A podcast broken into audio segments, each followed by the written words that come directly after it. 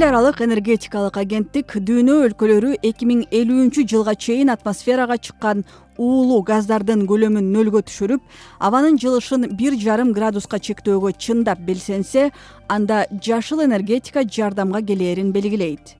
Күндүн нуру шамал гидроэнергетика жана биоэнергия пандемиядан кийинки экономиканы калыбына келтирүүдө барандуу роль ойношу керек баш кеңсеси парижде турган эл аралык агенттик дүйнөлүк лидерлерди климаттын өзгөрүүсүнө каршы жетиштүү аракет көрбөй жатат деп сындады. Биринчи ноябрда глазгодо башталчу глобалдык саммитти утурлай жарыяланган баяндамада уюм улуттук өкмөттөрдү чукул чараларды көрүүгө үндөдү. Агенттиктин жетекчиси фатих бирол келечекте энергияга болгон керектөөнү жабуу үчүн жетиштүү инвестиция салбай элебиз мындай арабөк абал алдыңкы келечекте туруксуздукка түрткү болот деп эскертти. Адистер белгилегендей энергиянын жаңы булактарына талап өскөнү менен эки миң элүүнчү жылга чейин атмосферага чыккан уулуу газдарды азайтуу өтө солгун жүрүп жатат. Бул ишке ашпаса алдыдагы отуз жылда глобалдык абанын табын бир жарым градуска жеткирбей кармап калуу мүмкүн эмес эл аралык энергетика агенттигинин өкүлү тимур гүл дүйнөлүк коомчулуктун алдында турган максаттын маанисине токтолду.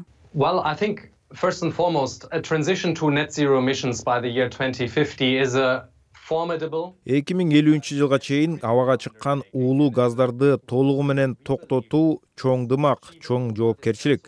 Биз ал максатка жетсе болот деп ишенебиз. Бул үчүн баардык өкмөттөр ыкчам жана чечкиндүү аракет көрүшү керек көмүр кычкыл газын кыскартуу үчүн алыскы келечекти эмелжеп ага чейинки маанилүү кадамдарды аныкташы керек.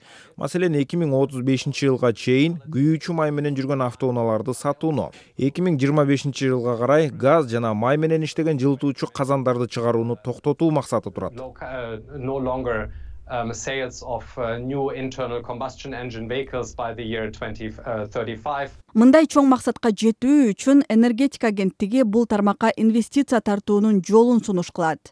Жаңы баяндамада уулуу газдарды кырк пайызга чейин азайтуу үчүн каражатты шамал жана күн нурунан энергия алчу жабдыктарды орнотуу аркылуу жапса болоору белгиленет.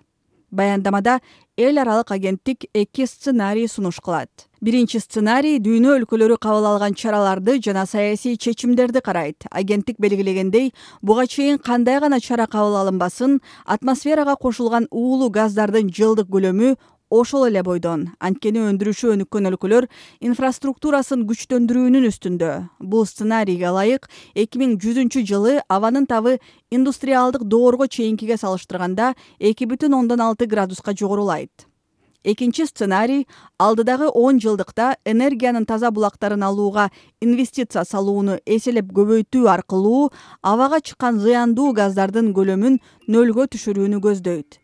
Эгер дүйнө мамлекеттери өз милдеттенмелерин так аткарса эки миң жүзүнчү жылга чейин глобалдык абанын табы болжол менен эки бүтүн ондон бир градуска көтөрүлөт. Бул париж макулдашуусунда белгиленген чектен бир жарым градуска жогорку көрсөткүч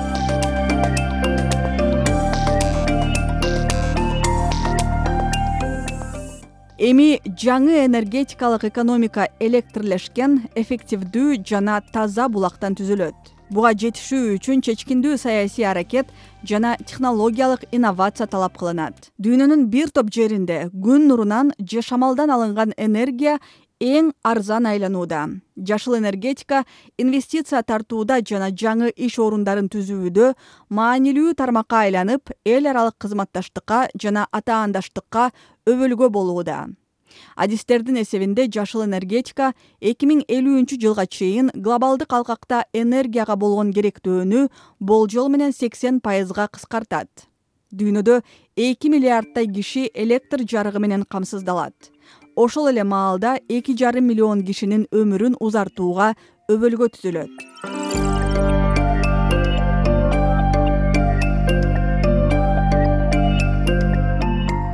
Дүйнөдө ковид он тогуз пандемиясынан улам рецессияга кабылган экономиканы калыбына келтирүү энергетика системасына күч келтирип жаратылыш газы көмүр электр жарыгынын баасы кескин өстү экономисттердин баасында эки миң жыйырма биринчи жылы көмүр менен мунай колдонуу дагы көбөйөт. Экологдор анын айынан атмосферага чыккан көмүр кычкыл газынын жылдык көлөмү да мурдагыга салыштырмалуу эселеп өсөөрүн эскертүүдө. Мына ушундай жагдайда ысык көлдүн тоң районунун топурак бел аймагында эко винд шамал паркы курула баштады мындай дымактуу долбоорго кыргыз wind систем компаниясы белсенип киришкен. Анын финансылык директору кундуз кырбашеваны азаттык кепке тартып шамал энергетикасынын келечегине кызыкты. Шамалдан электр энергиясын кыргызстанда алуу канчалык реалдуу адатта мындай технология жабдыктар кымбат да негизи шамал энергетикасы бул баягы ноу хау эмес бул дүйнө жүзүндө колдонулуп жаткан практика. Элдин э, баягы алыс барбайлы кошуна эле коңшу өлкөлөрдөн баштасак.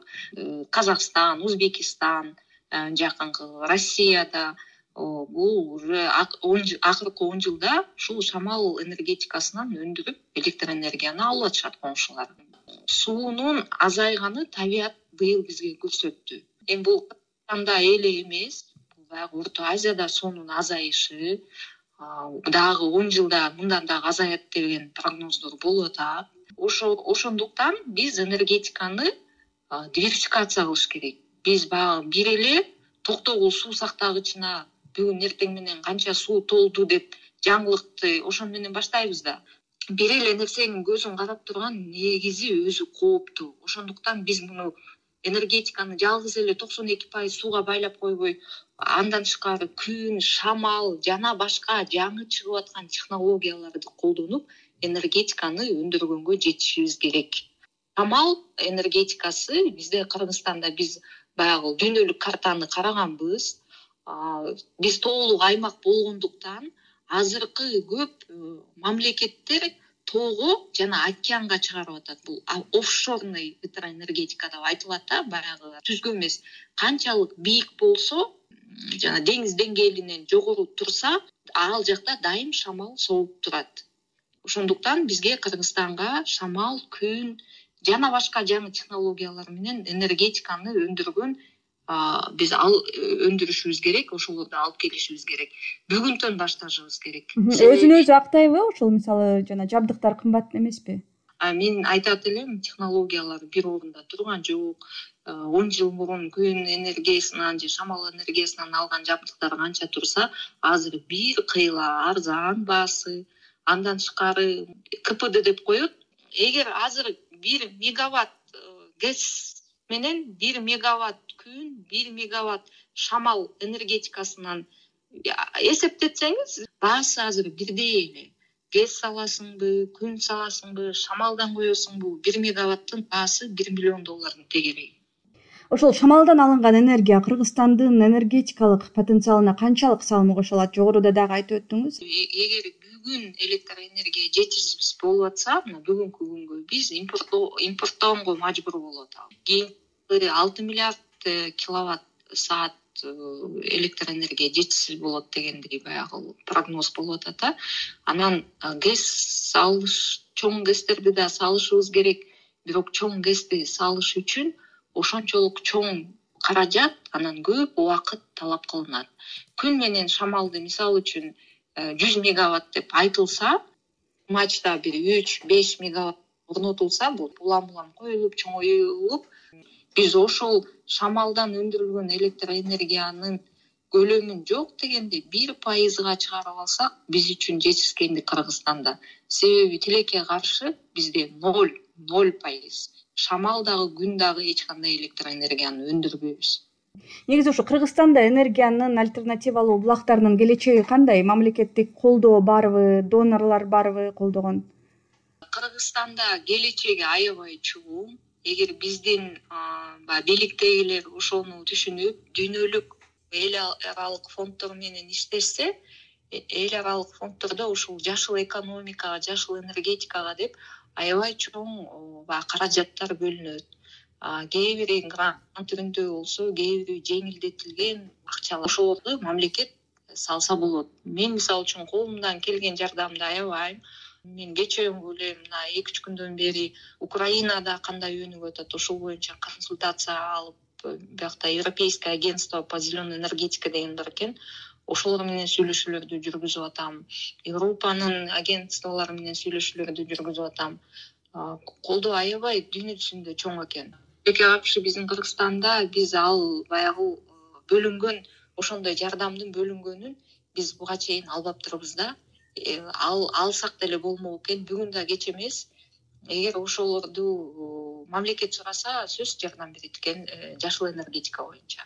Жаңы эле украина деп айтып калбадыңызбы ушул э, пост советтик аймакта шамалдан электр энергиясын алууну өздөштүрүүдө кайсы өлкө алдыда баратат? Кайсы кимдерди мисал келтире алат элеңиз? Казакстан мындан он жыл мурун баштаган. Эки миң отузунчу жылга чейин он беш пайызга чейин жеткизебиз деп атат казакстан андан кийин узбекстанда бир жарым гигаватт именно шамалдан алабыз деп атат электроэнергиянычы эки миң отузунчу жылга жыйырма беш пайызга чыгарабыз деп атат. Аябай амбициозный пландары чоң. Биз айтып атабыз бир пайызга жеткизип алалы деп. Россияны алсак эки миң жыйырма бешинчи жылга чейин эле жыйырма пайызга жыйырма пайызга чыгабыз деп атат. Мисалы үчүн баягы биз э, турциянын дагы жанагы заводдорду кыдырып атабыз э, шамал энергетикасына жабдууларды жасаган. Россиянын заводдору менен сүйлөшүп атабыз кытайдын заводдору менен сүйлөшүп атабыз. Ишенесизби эгер сиз бүгүн заказ кылсаңыз үч жылдан кийин алат экенсиз. Себеби ошончолук спрос чоң экен да. Турциянын дале измир шаары баягы ушул өнүккөн экен измирден э, стамбулга чейин машина менен келдик. Бир квадратный километр бош эмес. Баардыгы ушу шамалдан энергетиканы алып атышат да. Шамалдан. Көбүн шамалды түгөнгүс сууну да түгөнгүс деп ойлочу элек. Э, бирок жаратылыш быйыл көрсөттү. Түгөнүп деле калышы мүмкүн экен. Мөңгүлөр азаят э, баягы центральный азияда бир градуска өйдөлөгөндүгү үчүн аба ырайын э, мөңгүлөр азайып атат. Мындан дагы азайышы күтүлүүдө. Ошондуктан биз баягы алдын ала алып подушка безопасности кылып даярданып э, дүйнө жүзү бараткан дүйнөлүк тенденция менен жашыл экономика жашыл энергетикага биз багыттай алышыбыз керек. Биз ошондо туура жолду тандаганбыз деп ойлойбуз да. Эми сиздер э, курууну болжоп жаткан ошо эковинт э канча чакырым жерге курулат буюрса? Биздин планда бир миң үч жүз гектар үч жүз гектарын азыр баягы жергиликтүү эл менен сүйлөшүп жергиликтүү депутаттар менен сүйлөшүп чечимди чыгарганбыз. Э, кырк тогуз жылга отвод земли деп айтылат да. Биздин эми өзүбүздүн ич ара сүйлөшүүлөр бар. Кандай э, эме менен коюлат да бул баягы иш жүзүндө техникалык жумуштар да эми. Мен э, сизге дагы бир айтып коеюн негизи электроэнергетика бул экономиканын өсүшүнүн түздөн түз фактору да. Энергия болсо сен цехда иштебейт фабрикаң заводуң эч нерсең баягы экономика өнүкпөйт деген. Мисалы үчүн биз региондорду өнүктүрөлү алыска айыл аймактарды өнүктүрөбүз деп айтып атабыз. А бирок аякта энергетика жок болсо электроэнергияны үзгүлтүксүз бере албасак ким ошол жака барып цехти салат же бир жумуш орун түзүп бир ишкана ачат. Себеби ага кепилдик бере албай атпайбызбы энергетика сага электроэнергияны үзгүлтүксүз беребиз деп. Бул биринчи фактор. Экинчиси ошол шамал менен күн бул автономдуу э, электроэнергияны өндүргөнгө дагы бир автономдуу түрү болуп эсептелинет да.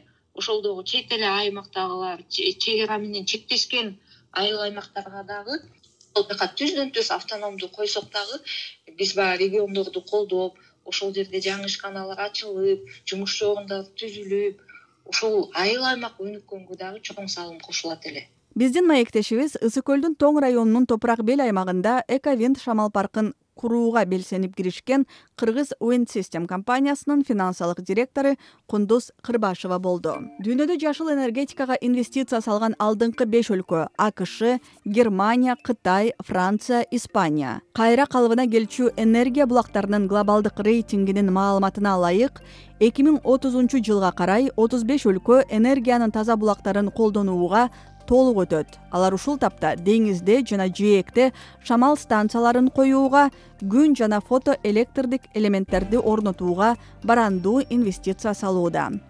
Элиза кененбаева гүлайым ашакеева. Азаттык